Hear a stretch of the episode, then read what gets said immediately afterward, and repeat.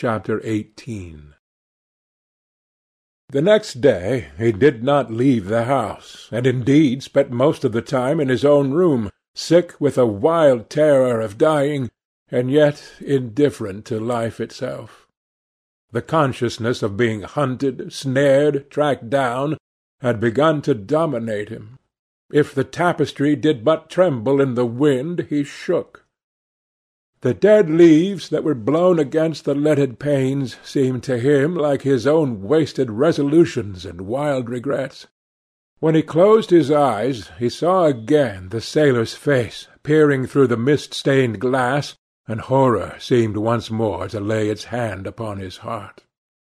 But perhaps it had been only his fancy that had called vengeance out of the night and set the hideous shapes of punishment before him. Actual life was chaos, but there was something terribly logical in the imagination. It was the imagination that set remorse to dog the feet of sin. It was the imagination that made each crime bear its misshapen brood. In the common world of fact the wicked were not punished, nor the good rewarded. Success was given to the strong, failure thrust upon the weak. That was all. Besides, had any stranger been prowling round the house, he would have been seen by the servants or the keepers. Had any footmarks been found on the flower-beds, the gardeners would have reported it. Yes, it had been merely fancy. Sibyl Vane's brother had not come back to kill him. He had sailed away in his ship to founder in some winter sea. From him, at any rate, he was safe. Why, the man did not know who he was, could not know who he was. The mask of youth had saved him. And yet, if it had been merely an illusion, how terrible it was to think that conscience could raise such fearful phantoms and give them visible form, and make them move before one! What sort of life would his be if, day and night, Shadows of his crime were to peer at him from silent corners, to mock him from secret places, to whisper in his ear as he sat at the feast, to wake him with icy fingers as he lay asleep. As the thought crept through his brain he grew pale with terror, and the air seemed to him to have become suddenly colder. Oh! In what a wild hour of madness he had killed his friend! How ghastly the mere memory of the scene! He saw it all again. Each hideous detail came back to him with added horror. Out of the black cave of time, terrible and swathed in scarlet, rose the image of his sin. When Lord Henry came in at six o'clock, he found him crying as one whose heart will break. It was not till the third day that he ventured to go out again. There was something in the clear, pine-scented air of that winter morning that seemed to bring him back his joyousness and his ardour for life. But it was not merely the physical conditions of environment that had caused the change. His own nature had revolted against the excess of anguish that had sought to maim and mar the perfection of its calm. With subtle and finely wrought temperaments it is always so. Their strong passions must either bruise or bend. They either slay the man or themselves die.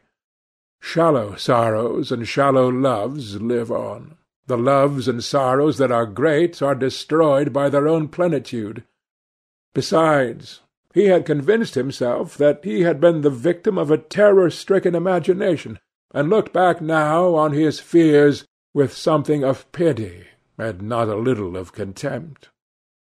After breakfast he walked with the duchess for an hour in the garden, and then drove across the park to join the shooting party. The crisp frost lay like salt upon the grass. The sky was an inverted cup of blue metal.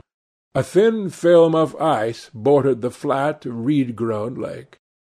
At the corner of the pine wood he caught sight of Sir Geoffrey Clouston, the duchess's brother, jerking two spent cartridges out of his gun. He jumped from the cart, and having told the groom to take the mare home, made his way towards his guest through the withered bracken and rough undergrowth. "Have you had good sport, Geoffrey?" he asked. "Not very good, Dorian. I think most of the birds have gone to the open. I dare say it will be better after lunch, when we get to new ground." Dorian strolled along by his side. The keen aromatic air, with brown and red lights that glimmered in the wood, the hoarse cries of the beaters ringing out from time to time, and the sharp snaps of the guns that followed, fascinated him and filled him with a sense of delightful freedom. He was dominated by the carelessness of happiness, by the high indifference of joy. Suddenly, from a lumpy tussock of old grass some twenty yards in front of them, with black-tipped ears erect and long hinder limbs throwing it forward, started a hare. It bolted for a thicket of alders. Sir Geoffrey put his gun to his shoulder, but there was something in the animal's grace of movement that strangely charmed Dorian Gray, and he cried out at once, "Don't shoot it, Geoffrey! Let it live!" "What nonsense, Dorian!" laughed his companion, and as the hare bounded into the thicket, he fired.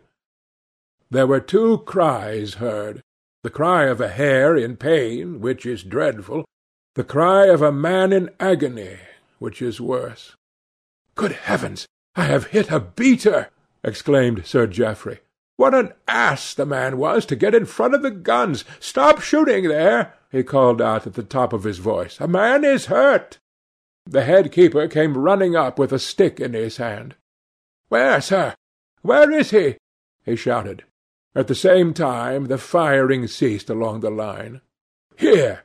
answered Sir Geoffrey angrily, hurrying towards the thicket. "Why on earth don't you keep your men back? Spoiled my shooting for the day." Dorian watched them as they plunged into the alder clump, brushing the lithe, swinging branches aside. In a few moments they emerged, dragging a body after them into the sunlight. He turned away in horror. It seemed to him that misfortune followed wherever he went. He heard Sir Geoffrey ask if the man was really dead, and the affirmative answer of the keeper. The wood seemed to him to have become suddenly alive with faces. There was the trampling of myriad feet and the low buzz of voices. A great copper-breasted pheasant came beating through the boughs overhead. After a few moments that were to him, in his perturbed state, like endless hours of pain, he felt a hand laid on his shoulder. He started and looked round. "Dorian," said Lord Henry, "I had better tell them that the shooting is stopped for to-day. It would not look well to go on." "I wish it were stopped for ever, Harry," he answered bitterly. "The whole thing is hideous and, and cruel. Is the man—" He could not finish the sentence. "I am afraid so," rejoined Lord Henry. "He got the whole charge of shot in his chest. He must have died almost instantaneously. Come, let us go home."